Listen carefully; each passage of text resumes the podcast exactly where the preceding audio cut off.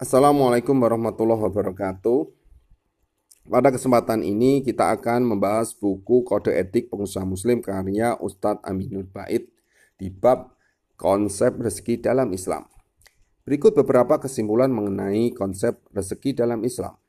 Pertama, semua makhluk yang berakal maupun yang tidak berakal, rezekinya telah dijamin oleh Allah. Ada banyak dalil yang menunjukkan hal ini, di antaranya firman Allah tidak ada satupun yang bergerak di muka bumi ini kecuali Allah menanggung rezekinya. Quran Surat Hud ayat 6 dalam hadis dari Ibnu Mas'ud radhiyallahu anhu, Nabi wasallam bercerita tentang proses penciptaan manusia. Kemudian diutus malaikat ke janin untuk meniupkan ruh dan diperintahkan untuk mencatat empat takdir. Takdir rezekinya, ajalnya, amalnya, dan kecelakaan atau kebahagiaannya. Hadis riwayat Muslim 6893. Turunan dari prinsip ini bahwa siapa pun anggota keluarga yang nafkahnya menjadi tanggung jawab kita, hakikatnya yang memberi rezeki mereka adalah Allah, bukan kepala keluarga. Kepala keluarga yang bekerja hanya perantara untuk rezeki yang Allah berikan bagi anak-anaknya. Ibnu Katsir menceritakan ada seorang yang mengadu kepada Ibrahim bin Adam, ulama generasi tabi tabiin, karena anaknya yang banyak. Kemudian beliau menyampaikan kepada orang ini, anakmu yang rezekinya tidak ditanggung oleh Allah, silahkan kirim ke sini. Orang ini pun terdiam. Al-Bidayah wa Ni'ahya 13 510 Catatan, prinsip ini tidak mengajarkan agar tidak berpangku tangan dan diam, tidak bekerja dengan beranggapan semua telah ditakdirkan. Ada beberapa alasan untuk membantah anggapan ini. Pertama, benar rezeki manusia telah ditakdirkan, tapi takdir itu rahasia Allah yang tidak kita ketahui. Sementara sesuatu yang tidak kita ketahui tidak boleh dijadikan alasan. Kedua, Nabi Shallallahu Alaihi Wasallam menjelaskan bahwa tawakal tidak menghilangkan ikhtiar usaha untuk mencari rezeki. Nabi Shallallahu Alaihi Wasallam bersabda, seandainya kalian bertawakal kepada Allah dengan sebenar-benar tawakal, niscaya Allah akan memberikan rezeki kepada kalian sebagaimana Dia memberi rezeki kepada seekor burung yang keluar pada pagi hari dalam keadaan lapar, lalu sore harinya pulang dalam keadaan kenyang. Hadis riwayat Turmudi 2344, Ibnu Hibban 730. Dan di, dihasankan Suaib Ar, Aron Aron. Dalam hadis Ahmad menjelaskan hadis ini tidak menunjukkan bolehnya berpangku tangan tanpa usaha, bahkan Padanya terdapat perintah mencari rezeki. Karena burung tatkala keluar dari sarangnya di pagi hari demi mencari rezeki. Tiga, berharap rezeki namun tidak mau bekerja, termasuk pengingkaran terhadap hikmah Allah. Bagian dari hikmah Allah, semua akibat didahului dengan sebab. Meskipun tidak semua yang menempuh sebab bisa mengakibatkan bisa mendapatkan akibat. Karena itu ketika makhluk mendapatkan sesuatu, maka dia harus mengupayakan sebabnya. Seperti jika orang ingin mendapatkan harta, dia harus melakukan usaha untuk mendapatkannya. Usaha adalah sebab, sementara hartanya adalah akibat. Salah satu zat yang bisa menciptakan akibat tanpa sebab adalah Allah Ta'ala. Allah berfirman, Sesungguhnya urusannya apabila dia Allah mengendaki sesuatu, hanyalah berkata kepadanya, jadilah, maka jadilah.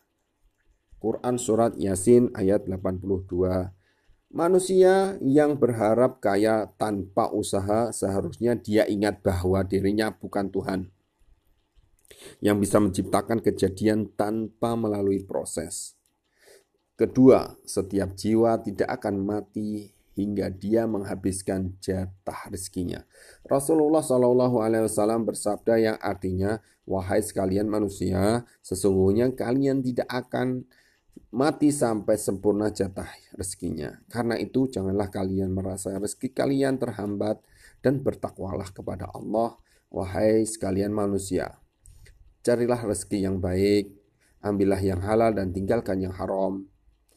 Hadis riwayat Baihaqi dalam Sunan Al-Kubra 9640 disahihkan Hakim dalam Al-Mustadrak 2070 disepakati Ad-Dahabi. Prinsip ini memberikan pelajaran bagi kita siapa pun yang hidup pasti diberi jatah rezeki oleh Allah sampai mati. Yang kedua, semakin semiskin apa pun manusia, dia akan mati sampai jatah rezekinya habis. Ketiga, sebanyak apa pun penghasilan manusia, dia tidak akan melampaui jatah rezekinya rezeki para hamba tidak akan tertukar. Syekh Soleh Al-Maghomisi dalam sebuah ceramahnya menceritakan ada seorang laki-laki jatuh ke dalam sumur. Ia berteriak minta tolong, lalu berhasil mengeluarkan orang itu dari sumur dalam keadaan selamat. Seseorang menyodorkan kepadanya gelas susu, segelas susu untuk diminumnya dan menenangkan keadaannya. Setelah tenang, orang itu bertanya, Bagaimana Anda bisa jatuh ke dalam sumur? Mulailah orang itu bercerita lalu ia berdiri di bibir sumur untuk mempraktekkan kronologi saat ia terjatuh dalam sumur. Qadarullah. Tanpa disengaja orang itu terjatuh lagi ke dalam sumur dan akhirnya mati. Orang itu diselamatkan oleh Allah karena masih tersisa jatah rezekinya di dunia, yakni satu gelas susu untuknya. Maka setelah jatah rezekinya disempurnakan untuknya, ia terjatuh di tempat yang sama kemudian mati. Namun Anda perlu membedakan antara hidup dan gaya hidup Harta seberapapun akan cukup untuk hidup, akan tetapi harta sebanyak apa pun tidak akan mencukupi untuk menutupi gaya hidup. Waspada penyakit istipto. Penyakit istipto telah disinggung dalam hadis dari Jabir radhiyallahu anhu. Rasulullah shallallahu wasallam bersabda wahai manusia sesungguhnya kalian tidak akan mati sampai sempurna jatah rezekinya. Karena itu janganlah kalian merasa rezeki kalian terhambat. Hadis riwayat Baihaqi dalam Sunan Al-Kubra 9640 kalimat larangan untuk istibta apa itu istibta istibta adalah keinginan untuk cepat sukses sebelum waktunya. Betapa banyak manusia yang terjangkit penyakit ini, ingin cepat sukses sebelum waktunya. Bisa jadi ini penyebab terbesar manusia melakukan pelanggaran syariat dalam mencari rezeki. Belum saatnya punya rumah, tapi nekat KPR, riba. Belum saatnya memiliki kendaraan, namun nekat leasing, riba belum saatnya tender diloloskan, lalu menggunakan sogok agar menang tender. Belum saatnya keterima kerja, namun rela melakukan suap agar bisa diterima. Ingin cepat memiliki dunia sebelum waktunya, akhirnya harus melanggar aturan syariat. Ketiga, hakikat rezeki. Hakikat rezeki manusia ada dua. Yang pertama, hakikat kauni Hakikat rezeki secara kauni adalah apa yang ditakdirkan oleh Allah untuk menjadi jatah rezeki kita di dunia. Dan hakikat itu adalah apa yang kita konsumsi, yang kita gunakan ataupun yang melayani diri kita. Sementara apa yang tidak, apa yang kita kumpulkan belum tentu jadi jatah rezeki kita. Karena tidak semua hasil yang kita kumpulkan kita yang akan mengkonsumsinya atau menggunakannya. Seperti ini hakikat rezeki yang dijelaskan oleh Nabi Shallallahu Alaihi Wasallam, sebagaimana yang disebutkan dalam hadis dari Abdullah bin Sikhir radhiyallahu anhu Nabi Shallallahu Alaihi Wasallam bersabda, manusia terlalu mengatakan hartaku, hartaku. Padahal hakikatnya dari hartamu, wahai manusia, hanyalah yang kamu makan sampai habis, apa yang kamu gunakan sampai rusak, dan apa yang kamu sedekahkan hingga tersisa di hari kiamat. Hadis riwayat Ahmad 16.305, Muslim 7.609, dan yang lainnya. Karena itulah sekaya apa pun manusia, sebanyak apa pun penghasilannya, dia tidak akan mampu melampaui jatah rezekinya. Orang yang punya satu ton beras tidak hanya akan makan, dia hanya akan makan sepiring saja. Orang yang memiliki 100 mobil, dia hanya memanfaatkan satu mobil saja. Orang yang memiliki 100 rumah, dia hanya akan menempati satu ruangan saja, dan demikianlah seterusnya.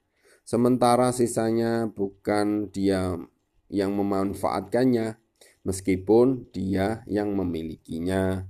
Manusia, banyak orang Jakarta yang memiliki villa di sekitar puncak atau di daerah lain, namun belum tentu dia bisa menikmatinya setiap pekannya, bahkan belum tentu setiap bulan.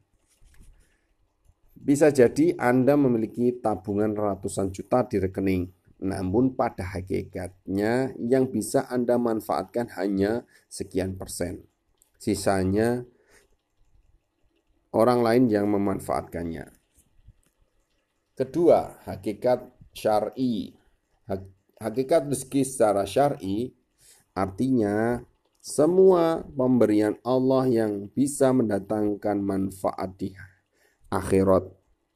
Dengan kata lain, semua harta yang kita gunakan untuk ketaatan sehingga menghasilkan pahala bagi kita. Ini merupakan salah satu makna hadis yang menyebutkan bahwa silaturahmi memperpanjang usia dan melapangkan rezeki.